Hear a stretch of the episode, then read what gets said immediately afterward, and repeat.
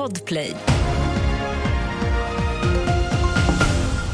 Här är senaste nytt om att en person har gripits i Upplandsbro norr om Stockholm under natten misstänkt för förberedelse till allmänfarlig ödeläggelse. Enligt polisen har nationella bombskyddet tagit hand om ett misstänkt farligt föremål. Om det finns kopplingar till den senaste tidens våldsvåg är för tidigt att säga något om, säger polisen.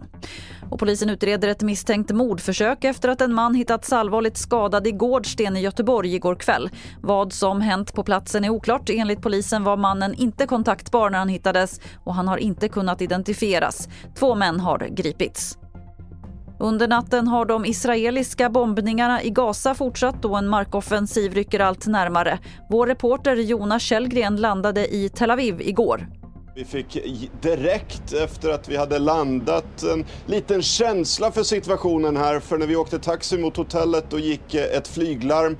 Alla stannade och sökte skydd eh, var man än kunde.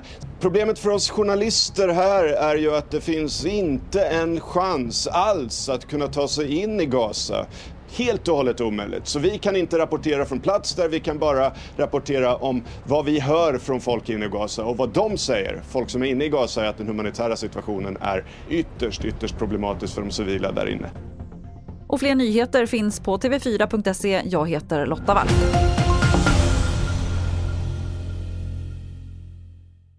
Ett poddtips från Podplay. I podden Något Kaiko garanterar östgötarna Brutti och jag, Davva, dig en stor dos skratt. Där följer jag pladask för köttätandet igen. Man är lite som en jävla vampyr. Man har fått lite blodsmak och då måste man ha mer. Udda spaningar, fängslande anekdoter och en och annan arg rant. Jag måste ha mitt kaffe på morgonen för annars är jag ingen trevlig människa. Då är du ingen trevlig människa, punkt. Något Kaiko, hör du på Podplay. Därför arkadeinerna.